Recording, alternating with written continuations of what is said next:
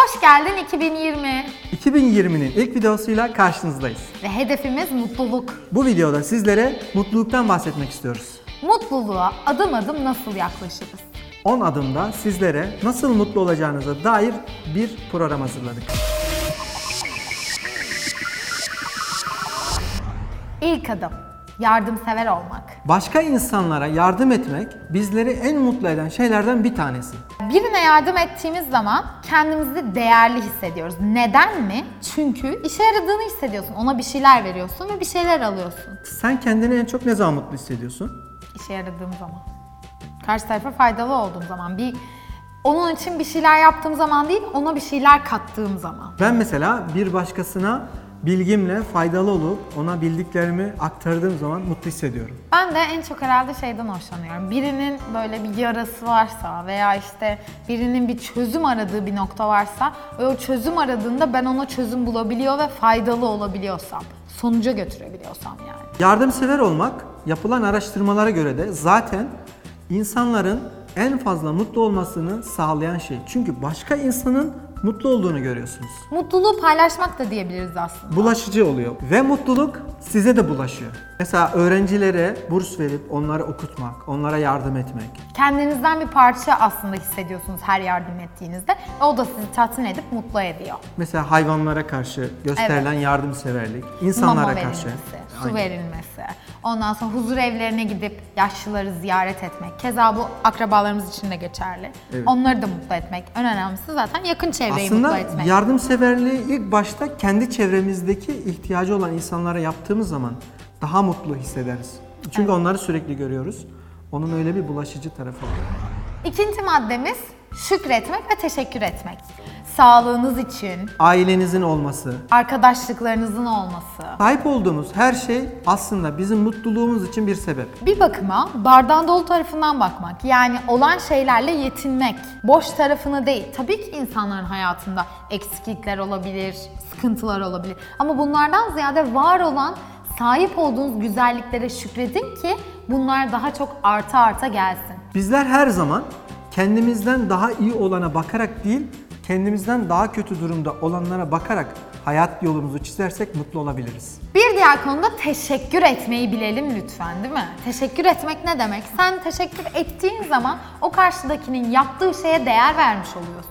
Evet, insanlara teşekkür etmek çok önemli ve gerçekten de hiçbir çaba harcamanız gerekmiyor. Size en küçük iyiliği dokunan bir insana dahi teşekkürle karşılık vermek lazım. Evet çünkü teşekkür ettiğimiz zaman o insan onu daha çok yapmak istiyor aslında. Ve yaptığı şeyden de daha mutlu ayrılıyor. Tabii en azından size yapmış olduğu iyiliğin karşılığını güzel bir sözle de olsa almış hissediyor. Evet yani hani sonuçta herkes bir beklenti içinde olaraktan bir şeyler yapıyor. Ve bunun sonucunda en azından bir teşekkürü bence çok görmemek lazım. Üçüncü adım öğrenmeye açık olmak. Hangi yaşta olursak olalım kesinlikle öğrenmeyle alakalı merakımızı yitirmememiz gerekiyor. Çünkü aslında her yaşta hem okuyarak hem görerek hem de tecrübe ederek öğrenebiliriz. Zaten basamakları çıkmak için merak etmemiz lazım, öğrenmeye açık olmamız lazım ve sürekli kendimizi geliştirmemiz lazım. Çünkü aslında insanlar kendilerini geliştirdikçe, kendilerine bir şey kattıkça o özgüvenle, o dolulukla daha mutlu hissediyorlar. Bir amaç sahibi oluyorlar. Bu amaç da bizi mutlu etmeye çok fazlasıyla yetiyor bile. Dördüncü adımımız uykumuzu iyi almak, iyi dinlenmek. Uyumak bir bedenin dünyaya açık olması için en önemli konulardan bir tanesi. Zihnimiz bir şeyleri algılayabilmek için yeterli seviyede dinlenmiş olması gerekiyor. Ve bu durumda hem uykumuzu aldığımız için daha mutlu, daha huzurlu ve daha sağlıklı bir yaşama sahip olmuş oluyoruz. Uzmanlar günde en az 6,5 saat uyumayı öneriyorlar. Bu şekilde daha zinde bir vücutla ne yapacaksak ona hazır olabiliyoruz. 11 ile 4 arası aslında uykunuzu en verimli şekilde aldığınız biyolojik saatinizdir. Saat 4'te kalkmak belki zor olabilir fakat şöyle bir şey var. Facebook'un, Google'ın CEO'larına baktığımız zaman Hep erken kalk. evet hep erken kalkıyorlar. Saat 4'te, 4.30'da bakın mesela onunla alakalı bir grafik de var. O saatlerde hep ayakta olduklarını görüyoruz. Beşinci adımımız gülümsemek. Aslında gülümsemek bulaşıcıdır. Bir insan karşısındaki insana gülümsediği zaman verebileceği en güzel hediyeyi vermiş oluyor. Düşüncelerimiz beynimizde nöropeptitleri tetikliyor.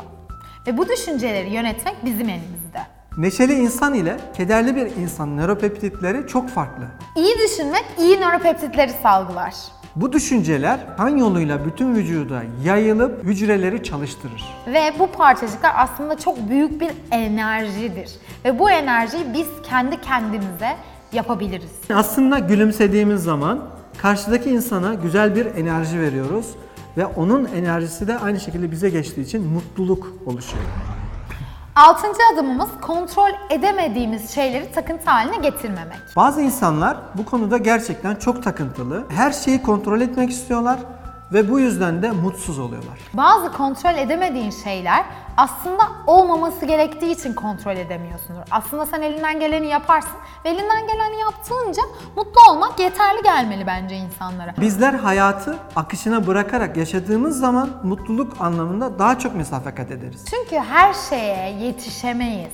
Mesela birçok anne çocuklarının her şeyine müdahale etmeye ve kontrol etmeye çalışıyor. Ama o bir birey ve sen ona verebildiğin kadar verirsin, prensiplerini öğretirsin. Ama bir yerden Evet. sonra o, o bir birey, bireyselleşmesine de izin vermek gerekiyor. Mesela biz işle alakalı her şey mükemmel gitsin diye kontrol etmeye çalışıyoruz ama kendimizi harap ediyoruz. Çok zor duruma düşürüyoruz ve bu bizi mutsuz kılıyor. Takıntılı olmak başlı başına zaten insanı mutsuz eden bir faktör. Ama biz mutlu olmak için kontrol edemediğimiz şeyleri olsun, hayırlısı olsun, olmuyormuş, kısmet değilmiş hani gibi cümlelerle yine dediğimiz şeye geliyor. Nöropeptitlerimizi, düşüncelerimizi yöneterekten mutlu olabiliriz. Yedinci adımımız gerektiğinde hayır demek. Yani biz aslında bazen karşımızdaki insanlara hayır diyemediğimiz için onların her söylediğini yapmaya çalıştığımız için mutsuz oluyoruz. yapamayacağınız bir şeyi kırmamak için hiç hayırdan ziyade başka cümlelerle hani evete getirip de ama sonrasında yapmamanız aslında o insanı daha çok üzüyor ve size de yapamadığınız için hani ona bir ümit verip de yapamadığınız için size de üzüyor. Karşımızdaki insanı mutlu edelim derken kendimiz mutsuz oluyoruz değil mi? Ve karşıdakini de mutsuz etmiş oluyorsunuz. Hayır diyemediğiniz halde bir şeyi istemeyerek yapıyorsunuz veya hiç yapmıyorsunuz. Karşıdaki bundan tatmin olmuyor ki. Ve hayır diyemediğimiz için kendimize zaman da ayıramıyoruz. Kendimizle vakit geçiremiyoruz. Sekizinci maddemiz olumsuz insanları hayatımızda barındırmamak. Etrafınızda olumsuz bir insan olduğu zaman negatif bakan, her şeyi böyle size olumsuz yansıtan, hiçbir şey beğenmeyen bir insan olduğu zaman mutlu olamazsınız. Gülümseme veya düşünceler bulaşıcı olduğu gibi o olumsuz enerjiden etkileniyor insan. Yani mesela pozitif enerjili bir insanla vakit geçirmeyi daha uzun süreler vakit geçiriyorsun ve zamanın nasıl attığını bilmiyorsun. Ya Türk halkında mesela şöyle bir şey vardır. Hani bir proje götürürsün. Dersin ki bu nasıl olmuş? Ya bundan hiçbir halt olmaz filan der mesela. Negatif bir insan modelidir. Bu tarz insanları hayatımızdan çıkarmamız gerekiyor. Ve bu vampir emicilere izin vermiyoruz. Nasıl izin vermiyoruz? Bu demek değil ki hayatınızdaki arkadaşlarınızı çıkarın veya değiştirin.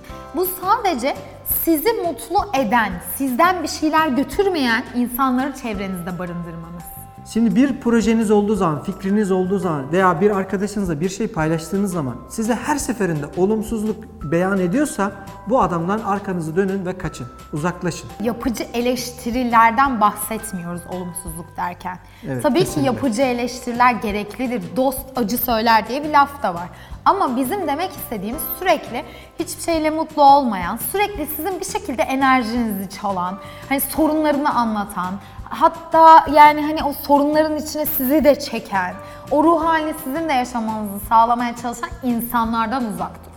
Ya bazı insanlar var kendileri mutsuz olduğu zaman veya kendilerinde olmayan bir şeyden dolayı başka insanların mutlu olmasını asla istemeyen tipler. Evet, kıskançlıkla diyebiliriz. Peki sen bu konuda nasıl yol izliyorsun? Benim açıkçası bu konuda çok katı kuralım var. Çünkü ben gerçekten çok pozitif bir insanım. Son derece seçiciyim. Karamsar insanlardan hiç hoşlanmıyorum. Yakın arkadaşım dediğim, yıllardan beri olan bütün arkadaşlıklarım hepsi pozitif. Ve bu yüzden bunları bir araya getireyim. Mesela bağımsız bir şekilde getireyim. Biri ortaokuldan, biri liseden tamam mı? Aynı ortama sokayım onları mesela iyi anlaşırlar. Niye? Çünkü hepsi gerçekten pozitif ve Evet. neşeli tipler. Bu yüzden de pozitif insanları seçiyorum. Evet aynı şekilde. Dokuzuncu adımımız spor yapmak. Evet. Spor yapıyor musun sen? Evet. Pilates yapıyorum. Haftada 3 kere pilatese gidiyorum.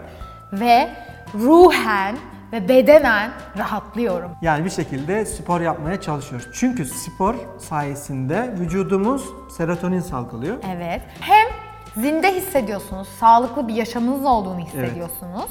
Hem de görüntü anlamında da çok güzel şeyler elde Fit bir ediyorsunuz. görünüm Evet. elde ediyorsunuz. Bir de zaten şöyle bir durum varmış okuduğum kadarıyla. Spor yaptıktan 15 dakika sonra vücut mutluluk hormonu salgılamaya başlıyormuş ve kendinizi çok mutlu hissediyormuşsunuz. Evet, ben çok mutlu hissediyorum.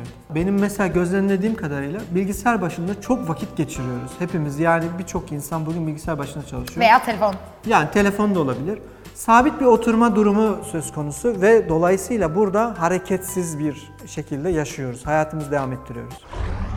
10. maddemiz, amacımız olmalı. Amacı ve hedefi olmayan insanlar genellikle kendi etraflarında dolaşır dururlar. Bir yere gitmek için bir içgüdüleri yani kendilerini motive edici bir unsur olmayacağı için mutlu hissedemezler. Amacımız ne olursa olsun bir prensibimiz, bir kuralımız, yani bir hedefimiz aslında amaç derken yani yaşama amacı, işte bir şey yaparkenki amaçtan bahsediyoruz. Bir öğrencinin mesela bir hedefi olur. Avukat olmak istiyordur, doktor olmak istiyordur, psikolog olmak istiyordur. Bir hedefi olmadığı zaman onu oraya götürecek bir yol da olması çok zor ve mutlu olamaz. Amacınız olsun.